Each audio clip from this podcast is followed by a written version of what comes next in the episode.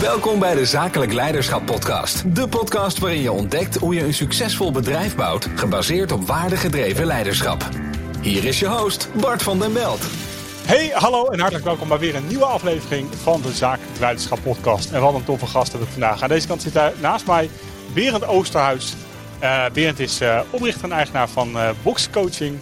Hij is de boxcoach van Nederland. En als iemand is waar ik veel respect voor heb, zakelijk en als mens, dan is het, uh, is het Berend ook. Ik ben uh, vereerd dat je er bent. Berend Oosterhuis, welkom. Dankjewel.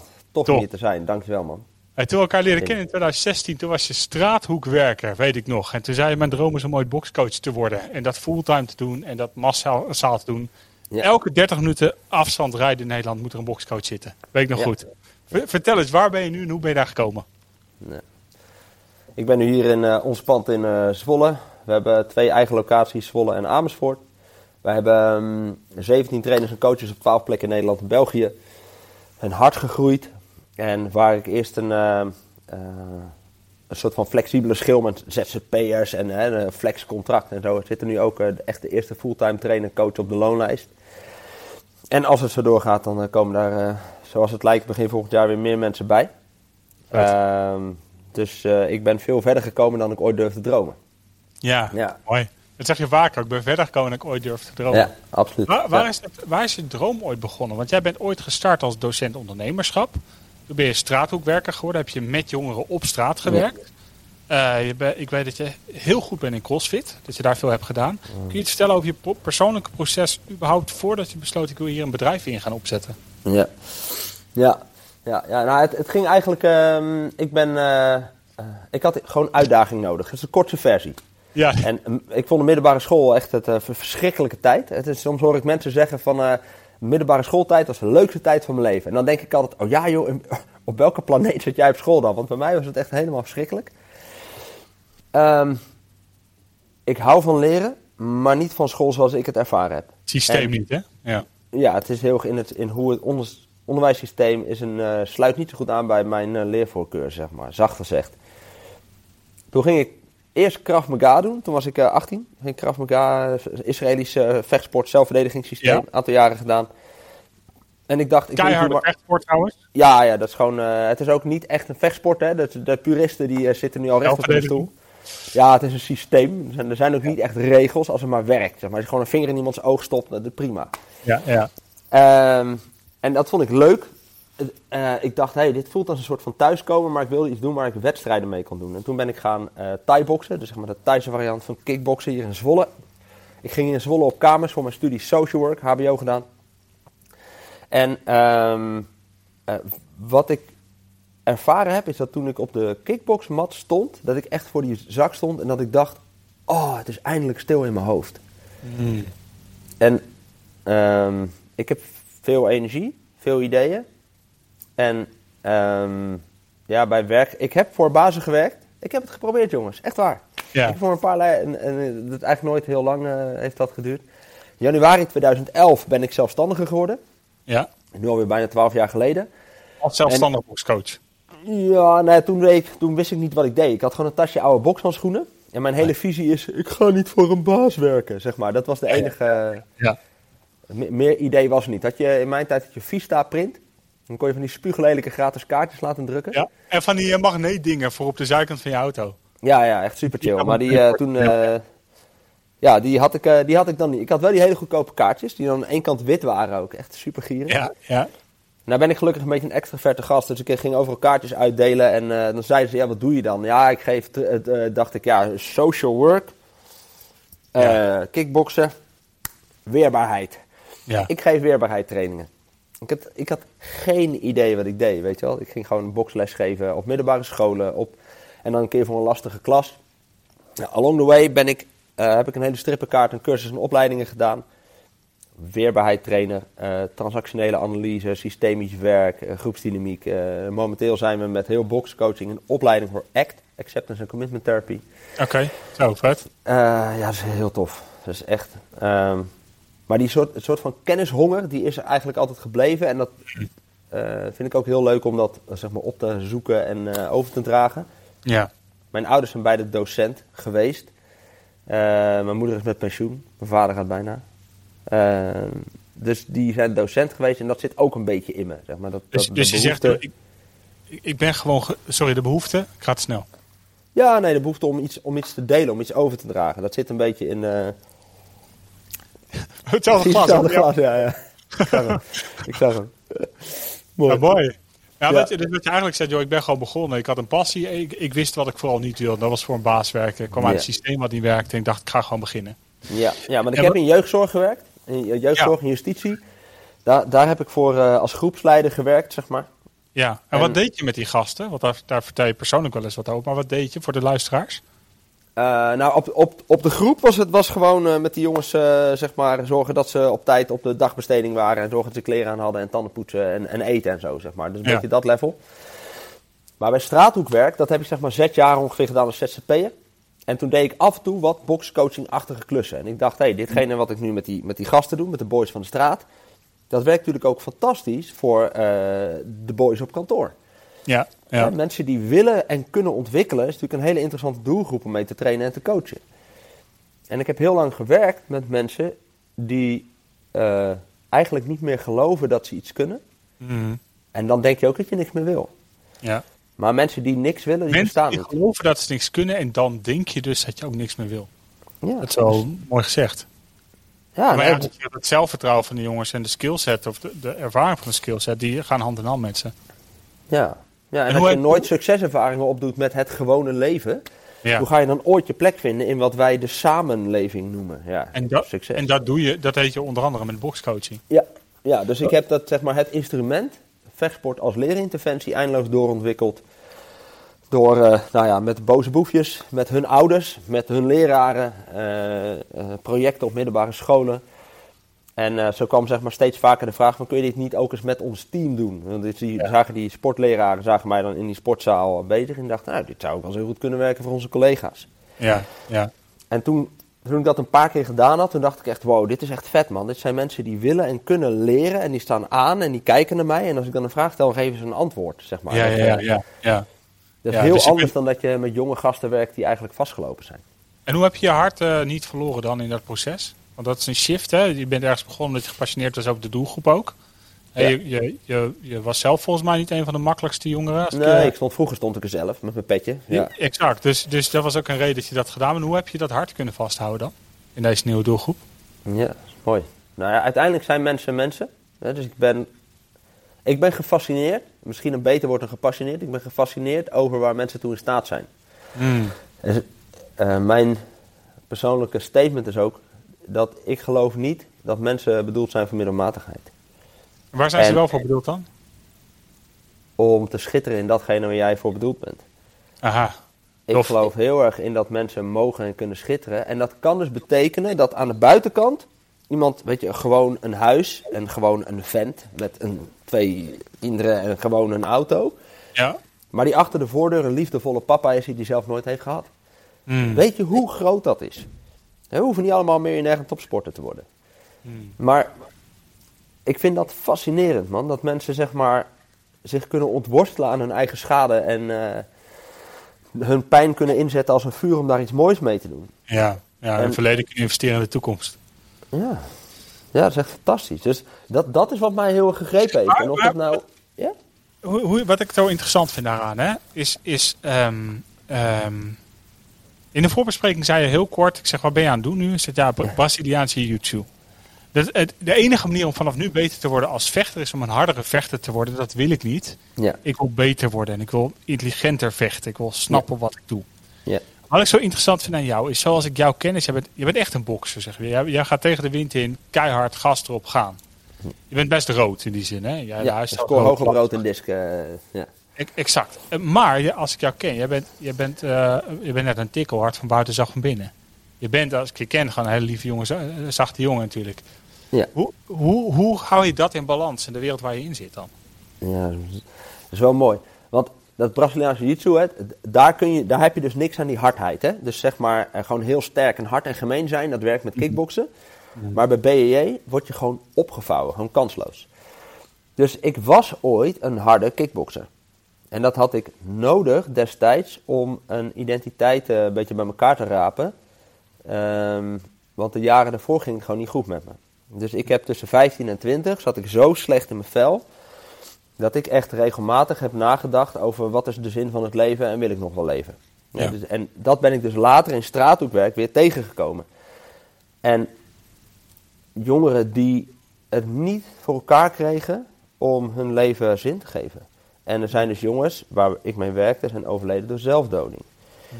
Ja, dat heeft dus zo ontzettend ingehakt. Ehm, en daar komt dat zachte weer terug. Dus ik denk, ik geloof heel erg dat je heel goed tegelijkertijd, of in ieder geval, je kunt het allebei heel hard en heel zacht kunt zijn.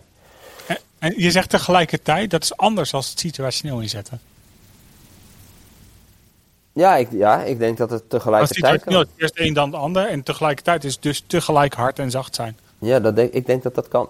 Ik Hoe denk dan? dat, dat, nou, als je iemand bijvoorbeeld in het gezicht aankijkt. Ehm, het- ik begeleid nu eh, een jonge man die een beetje vastloopt. Die aan het zoeken is naar eh, nou, zin en richting, zeg maar. En dan komt hij hier en dan zeg ik, joh, wacht even, ik ga even onderbreken. Wat een lulverhaal, man. Ja, ik, ik hoor je, ik, eh, ik ga helemaal, ik heb gewoon zin om koffie te pakken. Ik heb helemaal geen zin meer om naar je te luisteren als je zo lult. Weet je, dat is best wel bot. En, ehm, want, zeg ik dan direct achteraan, als ik naar je kijk, zie ik een mooi mens met mogelijkheden en kansen. Maar dan moet je geen lulverhaal ophangen.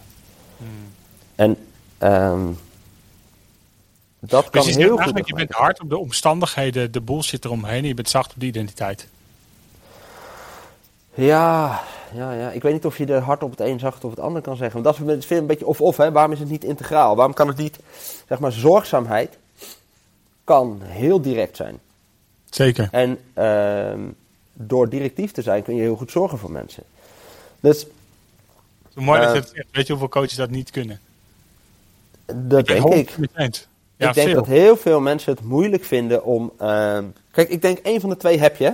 Op onze bokshandschoenen staat moed en kracht. En kracht staat Ja. voor vechtlust, voor eigenheid, voor de harde kant. En moed staat voor loslaten, overgave, verbinden. Ja. En als het goed is, eh, een soort van gerijpte persoonlijkheid, is dat je, dat je beide eh, kunt. En mijn echte voorkeur zit aan de zachte kant. Mijn echte originele blauwdruk zit aan de zachte kant. Ik lijk daar Wacht even, jouw op. blauwdruk zit aan de zachte kant. Absoluut. Ja. Zeg je dan dat jouw rode kant je masker is? Of een copingmechanisme? Mm, dat denk ik niet. Dat denk ik niet. Dat zit ook wel, er zit wel daadkracht nee, dat is best geïntegreerd bij jou als ik jou eh, zo ken. Ja, die- dat, maar als ik zeg maar eh, kijk hoe ik ben opgegroeid, dan denk ik dat mijn eerste, mijn eerste move in sociaal contact is altijd geweest openen en eh, wie ben jij? Zeg maar, als een blij kind ergens naartoe en hallo, weet je wel, dat was dan mijn eerste move in contact.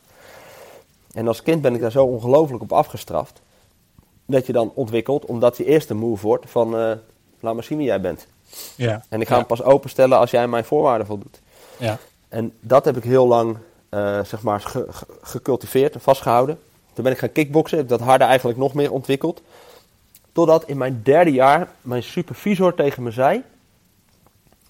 Berend, mogen mensen nog van je houden? Mm. En toen zei ik eerlijk, doe maar niet. Ik doe het liever Ja. alleen, want dan ben je ook onkwetsbaar. Hè? Ja. Ja. En dat, zeg maar, dat besef was het breekpunt in dat proces van ja, ik wil dit niet meer. Oh, dit is wel heel mooi dat je dat zegt.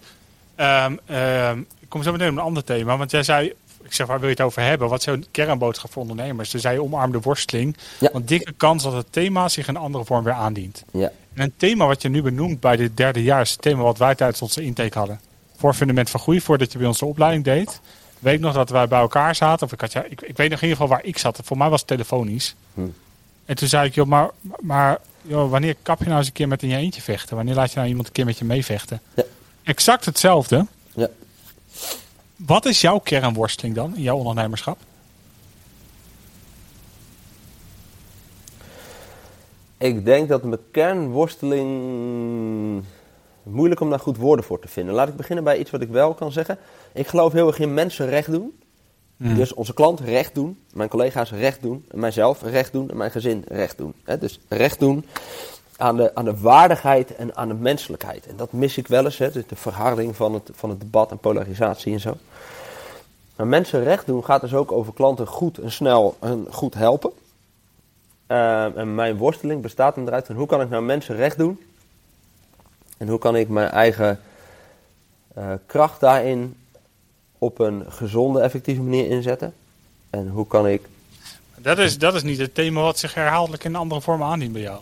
Ja, Dus dat zeg het, je, dat- maar dat is voor mij een strategisch operationele vraag. nog een keer? Volgens mij, volgens mij, ja, als ik je ken of als Ja. ik het hoor. Dus jij zegt, dus, dus als ik vraag wat is de herhalende worsteling die zich aandient bij jou, dan zeg je eigenlijk een aantal dingen. Eerst zeg je, ik ben van nature ben ik iemand die verbindt. Ja. Ik ben iemand die, die veilig gehecht is en vanuit die veilige hechting open de wereld in kan gaan. Ja. Daar heb ik geleerd om harder te zijn, omdat ik mezelf moest bewijzen. Daar ben ik in Om doorgeslagen. mezelf te Maar beschermen, dat is wat anders. Niet om mezelf te bewijzen, om mezelf te beschermen. beschermen. Tegen? Ja. Eh, pestgedrag, onveilige gasten. Ja. Ehm, ik heb zeg maar op, op een gegeven moment als kind geleerd dat groepen in basis onveilige plekken zijn om te zijn. Mm. Een groep mensen was altijd foute boel. Dus dat. eh, Ja, nou, wat, wat ik interessant vind als ik dan vraag wat is het thema wat zich herhaaldelijk aandient bij je, dan zeg jij ehm, ehm, ehm, de klanten goed bedienen terwijl ik ook een bepaalde wil opschalen. Wat is mijn rol in het bedrijf? Terwijl ik denk dat is gewoon ja, zo. maar dat, is, dat zijn twee dingen. Dus ja, wat ik en mijn persoonlijke zoektocht daarin is zeg Ja. maar die, die, die zeg maar alleen versus samen. Die polariteit tussen. Dat is het. Dus, ja, ja. Dus, en dat is denk ik de polariteit ten diepste van autonomie en verbinding. Hè? ja. Dus hoe kan ik mijn autonomie in stand houden en me verbinden? En, en die balans, die is, eh, dat is zoeken. Dat is zoeken en die dient zich steeds weer in een andere vorm aan. En ehm, het nadeel van sterk zijn is dat je geneigd bent om hard te gaan werken en het zelf te doen en te gaan vechten. En naarmate ik ouder word, ga ik dat dus ook steeds minder doen. ja. Want het heeft gewoon helemaal geen zin meer. En eh, ik kom, zeg maar, in de huidige schaalgrootte is harder werken nergens meer de oplossing voor. Nee, je gaat niet meer bereiken door meer van hetzelfde te doen. Nee, echt En wat ik, zo, wat ik zo mooi vind in hoofdstuk 5 van je boek, je hebt een boek, boek geschreven, Spreken Zilver, Boksen Schout. Daar wilde ik naartoe en ik hoor dat ook in, in, in, de, in wat je vert- vertelt. Ehm, ehm, jij beschrijft aan hoofdstuk 5 twee dingen. Eén is weer mogen voelen en twee is afmaken wat vastzit. Dat weer mogen voelen, hè, dat, is, dat is, als je het hebt over die po- polariteit tussen, je hebt het dan over samen of alleen, maar je hebt het ook over hard of zacht. Dat mogen voelen, als je dat nou permanent kan doen, wat is de impact daarvan? Waarom, waarom, wat kom je tegen waarom dat zo'n belangrijk thema is bij jou in het begeleidingsproces? Dat mensen weer mogen leren voelen. Ja, Ik denk dat, ehm, kijk, als je leeft, dan voel je. Als je overleeft, dan moet je niet voelen. Dus op het moment dat er een eh sabeltandtijger achter je aan zit, dan moet je niet reflecteren op, oh, dit raakt echt aan mijn persoonlijke thema van ruimte innemen. Hurr. Nee, dan moet je gewoon rennen voor je leven en voelen doe je later weer. Hè? ja. En, wat je, en dat mechanisme van niet voelen, dat staat bij heel veel mensen aan. Mm. Dus heel veel mensen hebben zo'n hoog stresslevel. ja. Dus zo uit contact met wie ze zijn en zo uit contact met het echte leven. Dat mensen eigenlijk gestopt zijn te voelen, waardoor ze eigenlijk eh, eh, kwalitatief matige besluiten nemen. Mm.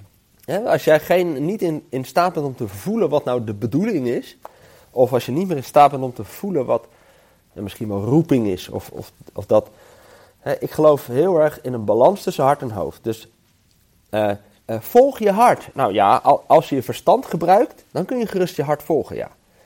Je hebt een balans nodig tussen van beide. Dus alleen voelen is niet functioneel, alleen denken is ook niet functioneel. Dus het gaat over balans. En die is persoonlijk, die is afhankelijk van de context en de rol die je hebt.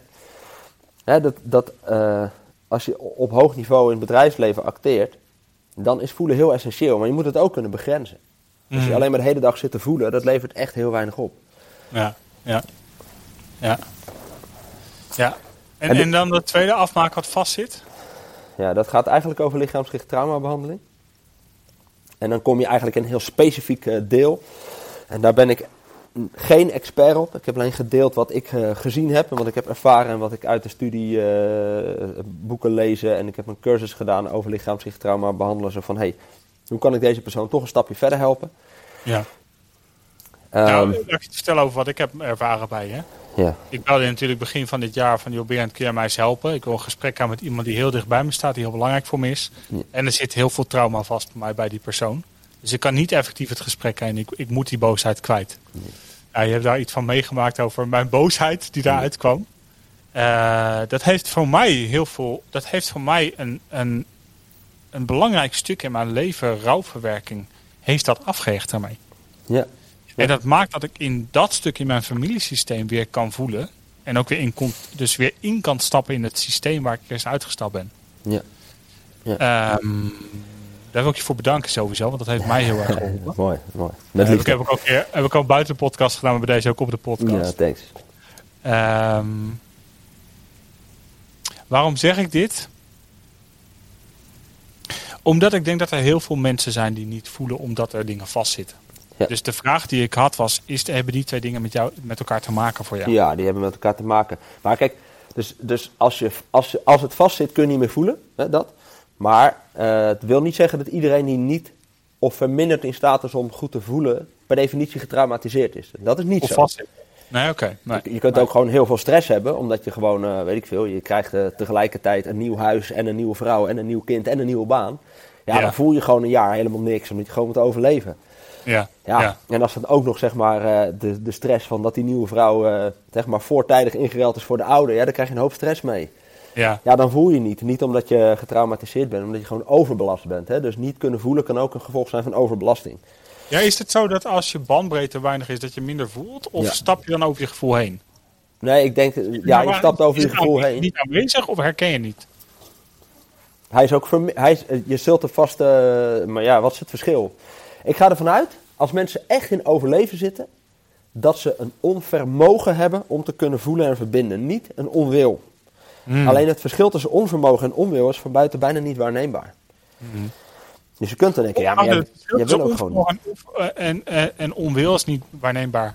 Omdat? Het is moeilijk waarneembaar van de buitenkant. Hè, dus ik kan wel denken van, ja, maar jij, jij, jij saboteert ook gewoon Ja, je eigen ja, leven. Jij wil dit ook gewoon niet of zo. Ja, ja, ja. Dus, zo vraag dus- je erom. Dat is een hele gevaarlijke gedachte. Als je zo, ja, maar zo vraag je erom. Dan heb je het zelf gedaan. Maar wat, wat heeft boxcoaching dan voor impact daarmee, daarop? En want als je in stress zit, dan kun je wel een partijtje gaan rammen. Dat is natuurlijk heel lekker, dan ben je het even kwijt. Maar dan? Ja. Wat eh, mensen die overbelast zijn bij ons komen voor coaching. En dat is soms echt als ze al echt een burn-out hebben of hebben gehad en dat er herstellen zijn. Of eigenlijk in het voorstadium ervan. Dat mensen beginnen te voelen van oeh, dit gaat niet helemaal lekker, zeg maar. Dan komen ze hier. En vaak als mensen eh, overbelast zijn, komen bij een coach en zeggen ja, gaat niet goed, met te druk. Hè? Dat is een korte samenvatting. Dan ga je boksen. En het eerste wat ze zeggen is, oh, lekker. Hè? Want dat is je stress ontladen. En ja, ontlading is lekker. Prima. Kun je ook in de sportschool, hè? En eigenlijk ben ik veel geïnteresseerder in wat komt er daarna dan. Want als je namelijk een beetje uitgeput bent... en je ontlaadt je stress en je bent een beetje moe... dan heb je eigenlijk te weinig energie om die copingstrategieën goed overeind te houden. En dat is natuurlijk heel interessant om daarmee te werken. Van wat komt er dan als die copingstrategieën er niet meer zijn? Ehm, als mensen bijvoorbeeld zeggen: Ik ben uit balans, want ik werk te hard voor deze baas. Dan zien zij hun huidige werkgever en hun huidige functie als oorzaak van het probleem. 99 van de 100 keer is het een symptoom van een dieperliggend probleem. Waarom heb jij voor dit soort werk gekozen waarin je geacht wordt zo hard te werken? Wat ben jij aan het oplossen Ja. door snoeihard te gaan werken. Dus waar, of waar ben je bij aan het wegbewegen? Eh, dus dat zou dat oude pijn kunnen zijn. Als je dan maar heel hard werkt en laat zien, kijk eens, ik heb bestaansrecht. Ja. Hoef je niet meer naar dat kwetsbare stuk toe waarin je eigenlijk gewoon eh, gezien wilt worden en te weinig gezien bent. Of je zegt twee dingen. Eén is, het is een copingmechanisme in veel, veel gevallen om om te Zou dealen kunnen. met wat er innerlijk speelt, of de st- stress. Ja. En ehm, eh, eh, het tweede is, wat, wat zei je daarvoor? Sorry, ik ben hem even, want er gebeuren drie dingen hier tegelijk. Ja, als, als je overbelast bent, is ontladen is lekker. En wat komt er dan Oh ja. na lekker? Hè? Wat is het volgende wat zich Ja. dan aandient? En waar staat dat Ja. dan voor? Heeft dat te maken met je systeem van herkomst? Of, eh, Ja, maar je zei ook, wat ze naast hem te doen, is de externe omstandigheden schuld geven in plaats van naar zichzelf kijken. En dat is een dilemma die ik veel zie, hè, tussen, tussen eigenaar of, of, of slachtoffer. Kan je zeggen dat het altijd in de innerlijk leiderschap ligt bij mensen? Of kun je ook zeggen, nee, dit zijn gewoon omstandigheden en de omstandigheden zijn de schuld? S- eh, dat kan beide. Het kan echt beide. Kijk, eh, eh, zeg maar, het meest extreme voorbeeld. Wij gaven ooit training op praktijkschool Almere. Ehm, dat zijn jongens, allemaal uit een gebroken gezin. Vrijwel allemaal met schulden. eh, alleenstaande moeders die kei en keihard werken om de boel bij elkaar te houden. Ja. Ehm, hebben een IQ van 60. Ja, je kunt persoonlijk leiderschap hebben wat je wil, maar als je een IQ van 60 hebt, dan heb je echt een serieus probleem in deze samenleving die gewoon veel van je vraagt. Mm. En eh, dit soort jongens hebben dus een hele sterke externe attributiestijl. Hè? Dus de oorzaak van alle shit ligt buiten zichzelf. Hè? Die attribueren alles. En in hun geval is dat voor de 99% is dat waar. Mm. En je hebt een keuze. Je hebt altijd een keuze. En de keuze die je altijd kunt eh, maken is eh, te zeggen van ik zoek andere omstandigheden op. Voor zover dat binnen je macht ligt. Maar wacht even, wacht even. Is dat niet onzin wat je zegt? Jij zegt er is altijd een keuze. Ja. Ehm, je- ik word afgeleid door je gapen. Is het, Ja, sorry. Je, voor mij heb je veel op je bord hè, op het moment. Nou, dat is wel oké Oh, oké. hoor. Dus we zitten gewoon een beetje... eh, De, de- dus, dus jij zegt er is altijd keuze. Ik vraag me af of dat zo is. Dus als je jongeren hebt die in een omstandigheid zijn opgegroeid waar al Ja. hun vrienden in de Ja. criminaliteit zitten. ja. Ze hebben geen vaderfiguur, emotioneel stabiele vaderfiguur. Er is een moeder die niet aanwezig is omdat ze kaart moet werken. En ze moet het zelf oplossen en hebben weinig IQ. Ja. En EQ dus vaak ook. Is, hebben ze dan een keuze? Dus dan is de volvraag, zijn ze verantwoordelijk voor hun resultaten? Nou, wel veel minder dan bijvoorbeeld ik. Hè, dus, maar En waar zit dat in dan? Eh, dat snap ik niet. Eh, Even, laat ik eerst die eerste vraag even beantwoorden. Ja. De eerste vraag was, hebben ze een keuze? Je hebt altijd de keuze om iemand in elkaar te trappen of niet. Dus als je boos wordt, je hebt de keuze om één of twee klappen uit te delen en dan weg te gaan. Dat- is dat zo? kan. Als je geen taal, taal hebt om anders vorm te geven aan je woede. Ja, dat, dan moet je wel iemand hebben die je daarbij helpt. Dat denk ik. Oké, oké. Ja? Kijk, ik heb in die zin met heel veel dingen ook geluk gehad. Hè. Je noemt het al, ik, eh, ik ben veilig gehecht. Ik ben eh, fysiek en mentaal eh, redelijk gezond. Eh, Een geloofssysteem wat je ondersteunt? Ja, mijn ouders hebben me altijd gestimuleerd om het te ontwikkelen. En ik, was, ik had altijd dikke fitty met mijn ouders toen ik puber was. Eh, maar ze bleven ruzie met mij maken. Ze bleven Ja. mij opzoeken. Ze bleven Ja. naar me toe komen van, eh, wat ben je aan het doen? Ja. En dus er zit heel sterk in, zeg maar, in die blauwdruk zit, eh, werk hard, blijf je ontwikkelen, maak jezelf niet te belangrijk. Hè. Soms zijn mensen, ik denk dat het heel belemmerend kan werken als je jezelf te belangrijk vindt. Het kan ook Mhm. heel belemmerend werken als je jezelf niet belangrijk genoeg vindt. Dat heb ik Mhm. zelf wel eens last van gehad, ik moest leren om mijn plek te nemen, zeg maar. ja. ja. Dus Dus, dus jij zegt, ze, zijn, ze, ze- ze, kunnen kiezen hoe ze omgaan, ook uh, mits ze begeleid worden.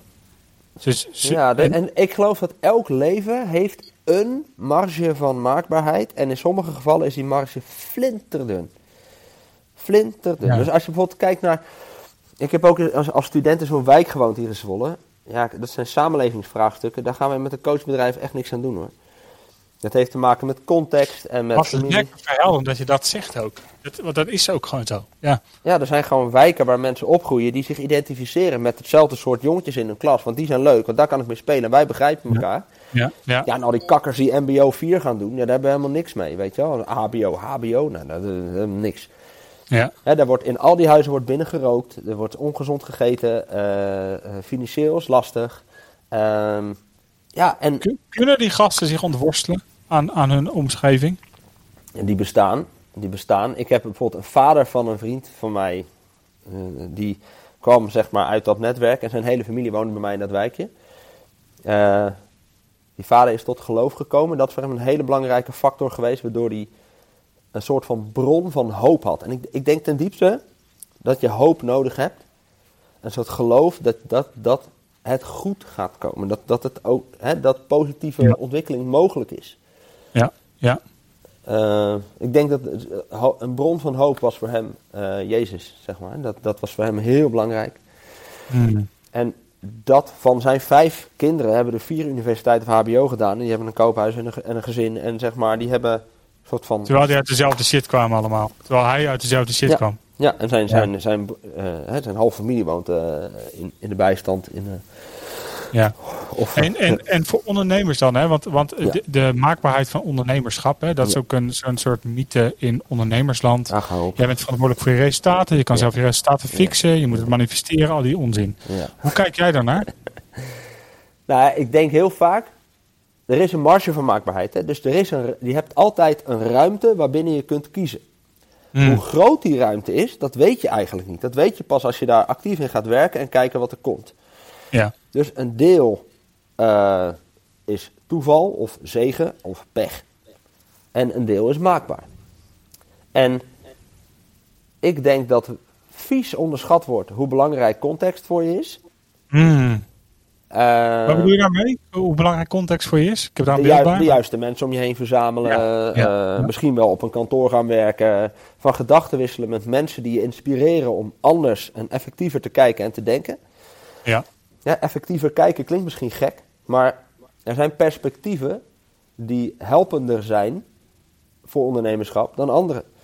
Hmm. Dus het perspectief, eh, wat is er allemaal niet goed en wat moet er beter, ja, daar kun je een heel leven eh, mee rondlopen. Maar ik denk niet dat het je helpt om een bedrijf op te bouwen. En wat zijn voor jou wisselingen geweest in je perspectieven dan? In je ondernemerschap? Paradigmaverschuivingen? Ja. Dat bescheidenheid geen synoniem is voor onzichtbaarheid. Hè, dus jij hebt ooit eens een keer in een of andere training van Bart van het Belt, geloof ik. En er stond, als je bescheiden bent, dan juist mag je zichtbaar worden. En Ja. dat, dat vond ik heel krachtig. Dat je, ik denk dat heel veel ondernemers die niet, of, of die nog graag willen groeien in een bedrijf, hè, dat het meeste ondernemers zijn die te bescheiden zijn om zichzelf zichtbaar te maken. En wel goed in wat ze doen. Eh, is waarschijnlijk. Waarschijnlijk gewoon Ja. goed in wat ze doen. Ja. Ehm, en ik, Ja, hele, nog ja, een, ja, een hele ja, sorry. spannende gedachte, een hele spannende, en, en, eh, is, vind ik, in hoeverre is discipline bijvoorbeeld een aangeboren eigenschap? En dat, wij vinden het heel aantrekkelijk om te zeggen dat je dat dan moet kweken en maken en doen. en, eh, Ja, maar in hoeverre eh, is dat niet aangeboren en geprogrammeerd? Ik heb bijvoorbeeld, ik heb het chronisch goede humeur van mijn vader. oké. Eh Challing is altijd vrolijk. En die fluit en die loopt en eh, die man die, eh, nou, die, die heeft gewoon altijd energie. ja. Dat is gewoon aangeboren. Plus ik heb Ja. mijn primaire rolmodel als man, is mijn vader, die altijd vrolijk is. En ehm, eh, ook wel serieus is hoor, dat is geen flapdrol. Maar zijn basishouding is goed humeur plus hoe gaat het met je, zeg maar. Dat, dat Ja. heeft hij gewoon in zich. Dat heb ik altijd voor mijn ogen zien gebeuren. En ehm, dat is een hele helpende, als je zeg maar puur energie hebben en geïnteresseerd zijn in mensen, die twee, dan kom je heel ver mee als ondernemer. Ik heb En wat nou, nou als je de pech hebt dat je dat allemaal niet hebt, dat je niet zo'n vadervoorbeeld hebt, ja, of dat je niet aangeboren discipline hebt, wat dan? ja, dan, eh, dan zul je denk ik moeten zoeken naar een vorm van ondernemerschap die past bij wie je bent. Kijk, het geluk is dat ondernemerschap is een containerbegrip. Hè? Dus ik vind ook, zeg maar, de, iemand die... ehm, ik spreek af en toe een boekhouder. Die werkt zeg maar vanaf zijn laptopje in de koffiebar. Gast met een knot en, eh, en leuke tattoos, weet je wel. Echt zo'n eh, beetje een vlotte, eh, alternatieve guy om te zien. Leuke gast. Ehm, werkt in zijn eentje. Heeft 30 klanten. En dat is het. En daar kan hij van bestaan en dat vindt hij prima. En Dat is ondernemerschap. Ook oké dus. Dat is ondernemerschap. Dat je, Ja. en hij is niet super extravert. Hij is extreem loyaal en trouw en hardwerkend. Dus hij Ja. belt gewoon zeg maar elke maand, elke klant even, hey, hoe is het met je? Ja, ja. En hij kan ook wel 40 of 50 klanten bedienen en dan verdient hij meer geld. Maar dan vindt hij zijn werk niet meer leuk. Maar, maar ja, ja. Dus hij heeft een, sommige mensen hebben een hoger tempo, andere mensen hebben een lager tempo. Er is geen goed of fout, maar wie ben je, wat past bij je en hoe kun je ondernemen op een manier die daarop lijkt. Dus als je niet extravert bent en je hebt niet een chronisch goed humeur, dan kun je wel nadenken over hey, welke vormen van ondernemerschap maakt dat helemaal niet uit. Maar dit, dit, is het, dit is waarom context, wat je net zei, zo belangrijk is. Hè? Dus op het moment dat je aangeboren eigenschappen niet hebt, Ja. en dan is het moeilijk om te ontwikkelen, dan moet je een systeem om je heen creëren. Mensen, visuele triggers, een systeem- systeem om je heen creëren. Die je uitnodigen om het gewenste gedrag te laten zien tot Ja. resultaat te komen. Ja. En dat is eigenlijk ook een antwoord voor de zoektocht waar je zelf in zit. Wat is nou mijn rol in mijn bedrijf? Als ik aan de ene kant mijn klanten met hart en ziel wil bedienen op de beste manier. En aan de andere kant merk dat ik gewoon wil op, opschalen en gas geven. Ja. Het is da- waar, Maar waar- dat is wel waar- leuk, want dat is de vraag waar ik Ja. mee zit. Hè? Wat zeg je? De vraag waar ik over nadenk is hoeveel, Ja. hoeveel wil ik nog opschalen, zeg maar. En ik vind een hele mooie is een metafoor. andere vraag. Ja, dat is een hele andere vraag. Dus, mm, want, ehm dat is wel grappig, want dan, dan ben je aan het groeien. En dan zeggen soms mensen met een beetje zo'n bezorgd hoofd van... eh, ja, maar straks dan eh, ben je zeg maar fulltime directeur. Dan geef je helemaal geen training meer. En Ja. ja, ja eh, Ja, en dan spreken ze dat uit alsof het iets heel erg is. Maar ik zit zelf te denken, nou, misschien vind ik dat wel prima. Misschien Kan. is mijn volgende rol wel fulltime directeur zijn en ben ik daar helemaal oké mee. Ja, Dus kan. het is voor mij helemaal niet een, een hele nare gedachte of zo dat ik geen training meer geef, weet je wel? Jouw kennende denk ik er niet. Als jij niet meer voor groepen staat, dan vraag ik me af hoe lang jij gelukkig geluid. Nou, dat weet ik niet. bent Dat zou zo goed in, in begeleiden van mensen. Ja, en de- misschien dat dat een andere vorm krijgt. Hè? Dus dat moeten we dat nog. zou eh, kunnen zijn. en en die, ondertussen is het team hier ook een groep mensen. Weet je wel? Dus dat scheelt ook. Maar Ja, maar dat, dat zou ook een rol kunnen zijn. Dus als jij het proces inricht zodat zij heel goed worden en je gaat hun begeleiden Precies. naar best te kunnen. Dan ben ik ook coach, hè? verdienen, maar je coaches. ja, precies. precies. Nou, dat, zou, Ja. dat zou ook kunnen. Dus ik Ja. ben daar een beetje op aan het beraden. Hè? Dus eh, ik zei het al in het voorgesprek stiekem. Van, ik ben dus bij een coach nu in gesprek met eh, eigenlijk de vraag van alles wat ik heb bedacht is gelukt en wat ga ik nu dan doen. Hè? Dus we hebben hier Ja. een mooie locatie en het boek is af en we hebben nog een pand in Amersfoort en ik heb allerlei eh, gave dromen. Die Ja. allemaal eh, gelukt zijn. Ja. En ehm, waar ik voor wil waken is, en dat gaat weer even terug naar ondernemerschap als een containerbegrip. Ik wil ervoor waken dat ik eh soort van ingezogen word in een dynamiek van groeien. Waarvoor je Ja, heel veel het- applaus krijgt in de wereld. Hè, van zo, Ja. nou, zoveel ton en eh, zoveel mensen. Nou, poepoe. En een mooie auto en zo. Allemaal superleuk. Maar is dat waartoe ik op aarde ben? En een hele interessante gedachte is bijvoorbeeld om te zeggen, we gaan kleiner groeien. Hè, Een, een boom groeit naar buiten en dan naar binnen. En een blad groeit naar buiten en dan naar binnen. En kunnen we kleiner groeien waarbij... Ja, ik zou het een heel grappig bericht vinden om te zeggen, we zijn gegroeid van 17 naar 8 trainers. Ja, dat is natuurlijk een heel grappig idee. Dat. Dat, iedereen Ja. dan denkt, hè, maar dat is eh, krimp en dat is niet goed en zo. Ja, Nou, ja, maar je hebt het over de vorm van groei. Maar volgens mij gaat het om de intentie. En wat, wat de intentie is die je, die je indirect zegt, die er onderliggend is. Ik wil gewoon echt een verschil blijven maken voor mensen. En niet de groei van mijn bedrijf leidend laten zijn in de keuzes die ik maak. Ja. Maar de impact die we maken in het leven van mensen. ja, dus waar geloof ik in? En dat zou, hè, En dus ik ben in die zoektocht bezig. ja. Sorry, wat zei je? Ja, wij, wij, wij noemen dat gezonde groei. Ja. Dus, dus de naam die wij geven is gezonde groei. En gezonde groei is dat je kwaliteit voor je klanten voorop laat staan. Terwijl je je bedrijf laat groeien. Ja. ja, nou ja, en eh, ik heb dus ook wel eens gedacht van, eh, nou misschien moet ik eh, een uitkomst van, zeg maar, mijn huidige denkproces waar ik in zit, van wat ga ik zelf doen en nou zo. Een uitkomst zou kunnen zijn dat we echt eh, genadeloos gaan opschalen. Keihard. Want met deze leerinterventie kunnen we mensen zo ontzettend goed helpen. Dat we vooral zo groot en zoveel mogelijk moeten. Dat kan een uitkomst zijn. Gast, kan een uitkomst zijn. Er is geen andere mogelijkheid dan dat dat de uitkomst is. En je weet het al lang. Nee, dat, kan, dat hoeft niet zo te Ja, zijn. man. Ik ken je al zo lang. Er is geen andere mogelijkheid. Alleen de vraag hoe is nog niet beantwoord. Nee, dat weet ik niet. Ben ik niet met je eens. Dat ben ik echt niet met je eens. Dat is leuk. Dus we mogen schuren, dus dit is leuk. Maar Wacht maar over een jaar of twee, dan spreken we elkaar. De- de- ja, de- dus wat er gebeurt is, jij bent zo gedreven over het maken van impact bij mensen, dat het niet anders kan dat je impact gaat vergroten door je, door je schaalgrootte op de... Op de en, en, en de discussie over waarom doe ik het, doe ik het voor mijn ego, dat is een discussie die al lang niet meer relevant is. nee, voor. nee, die is echt wel voorbij. Ja, daar maakt me geen moe. Nee, dat moet- boeit me niet. Maar het is wel. Kijk. ehm, nee, het is, niet, het is sowieso niet ego of eh, zoveel mogelijk geld binnenharken. Dat vind ik gewoon. Nee. Dat, het, sommige mensen zijn heel arm, die hebben alleen maar geld. Ik een schitterende uitspraak. Maar Ja, die. ehm, Maar je zegt of, er zijn twee mogelijkheden. Of we gaan kleiner groeien, dan vind nee, ik het nee, leuk nee, om ik zeg niet- er zijn twee mogelijkheden. Er zijn, er zijn 10.000 mogelijkheden. Dat is juist het Jawel, punt. maar, ja, maar, maar je benoemt er twee nu. Je gaat of kleiner groeien, zeg je, of we gaan genadeloos hard op groeien. En ik, en ik denk dat jij vol genade gaat opschalen. Ja, vol genade, ja. dat is wat ik denk dat. Ja, dat kan, dat kan. Maar je kunt ook zeggen, we gaan gewoon organisch groeien. Ik ga niet hele ingewikkelde strategische keuzes maken. We doen gewoon wat we doen, dat doen we goed. Ik zorg goed voor mijn mensen, de mensen zorgen goed voor de klanten. En dan, eh, dan groeit het organisch. En, ah, Maar dat gebeurt ook.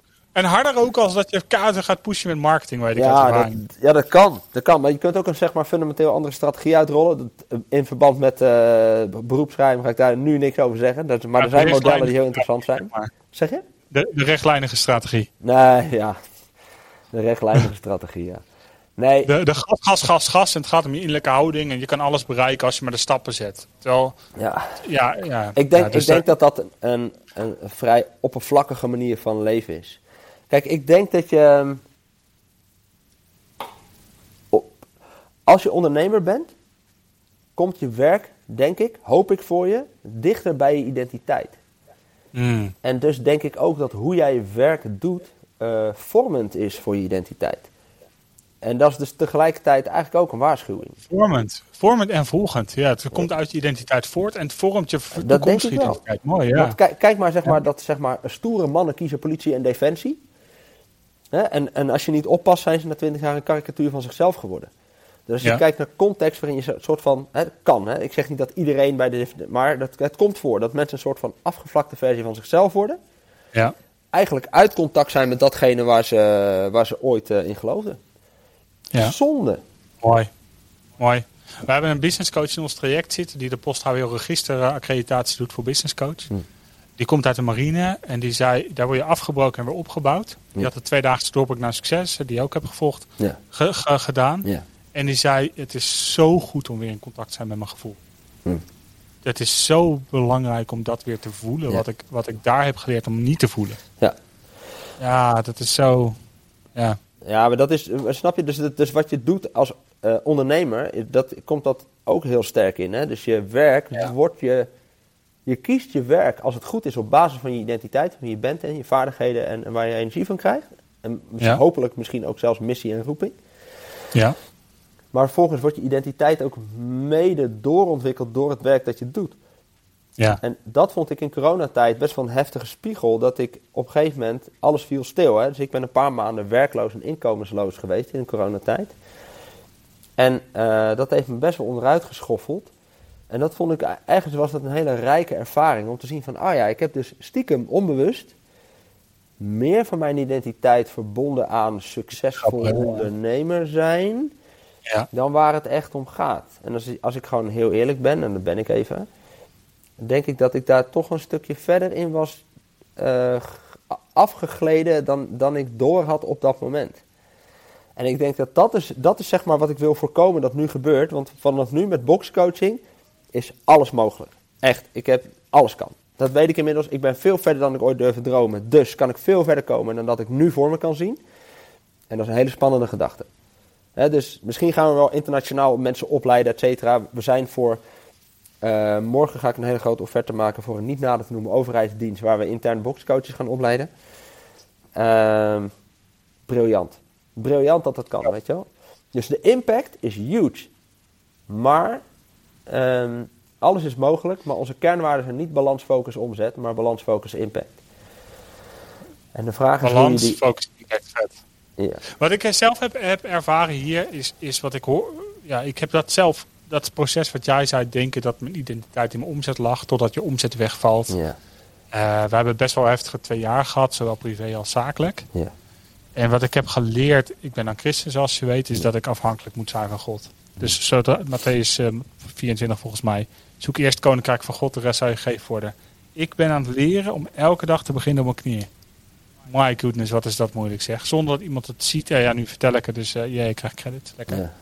Maar eh, beginnen op mijn knieën en zeggen: Ik kan dit niet alleen. Ja. En al mijn resultaten en mijn fuck-ups zijn, zi- zijn onderdeel van mijn proces. Ja. En ik kan het niet alleen. Ja. Ik, heb, ik heb u nodig. ja. En, en dus als ik dat volhoud, ook als ik straks dus de omzet maak die ik nu zie dat we aan het maken zijn. Dan kan het niet anders dan dat ik blijf bij mijn kernwaarden. En dan hoef ik dus ook niet bang te zijn voor die groei. Nee. Want, want mijn identiteit ligt niet in mijn groei. Mijn identiteit ligt in waar ik elke ochtend mijn dag mee begin. Ja. ja. Nee, dat, is wel. dat is met- ik wil en bewustzijn vanuit jezelf. En niet doen omdat je het moet doen, maar omdat je denkt, wat is mijn hart? Dat, dat vind ik het de grootste uitdaging in deze fase. ja. ja, mooi. Ik denk wat je zegt, ik zou maar zeggen als. eh, eh, om gezond te groeien moet je klein blijven. Dus je ego moet Exact. klein Ja, blijven. dat en, misschien eh, als je het hebt over klein groeien, is dat misschien wel wat klein groeien zou kunnen zijn. ja, ja. Om gezond te groeien moet je klein blijven. Prachtig. Ja, Padoem. ja lekker. Hey, is er nog één ding voor we naar de afsluiting Ja. gaan? Wat je, waarvan je zegt, dat wil ik absoluut eh, delen met ondernemers. Dit, dit is gewoon één boodschap. Dat als, als je nu aan het worstelen bent als ondernemer, of als je reeds succesvol bent, wil ik je dit meegeven. Reten succesvol zijn kan ook een worsteling zijn, dat is natuurlijk al één. Ehm, eh, er wordt voor je gezorgd. En de vraag is of je het aanneemt. En eh, ook als je niet per se gelovig bent of zo, hè, eh, er zijn mensen die voor je willen zorgen. Soms vallen dingen precies op een plek. Groter dan aan toeval toe te schrijven is. En ik geloof dat als je met de juiste dingen bezig bent, dan wordt er voor je gezorgd. En dat heb ik zelf ervaren in coronatijd. Ik ben natuurlijk ook christen. Ik noem dat dan God, hè. Maar laat ik het even breder houden voor mensen die er niet zoveel mee hebben. Er zijn mensen die voor je willen zorgen. Het leven zorgt voor ons allemaal. En ik denk dat als je het lef hebt om een balans te vinden tussen soms knokken om ergens te komen en achteroverleunen en vertrouwen dat er voor je gezorgd wordt. Ik denk dat dat in elke fase van ondernemerschap in een andere gedaante zeg maar weer terugkomt. Ja. Um, en ik was ooit die gast van 15 met een halve liter blik bier op straat, die geen idee had wat de zin van het leven was. Ik ben nu 35, dus ik vind mezelf nog redelijk jong. Maar um, als ik kijk wat ik heb mogen doen qua werk in de afgelopen 12 jaar zelfstandige, van de laatste 6 jaar als ondernemer, um, ah, dan ben ik gewoon met stomheid geslagen. Dus ja, het stomste wat je kunt doen is jezelf onderschatten. Dat is echt... Uh, Stop met jezelf onderschatten. Er wordt voor je gezorgd.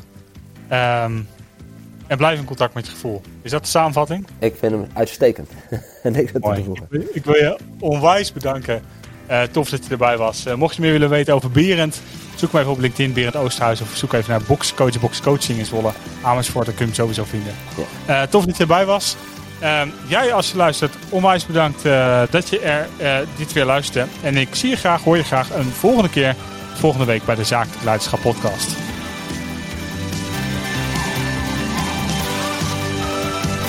Bijpakken.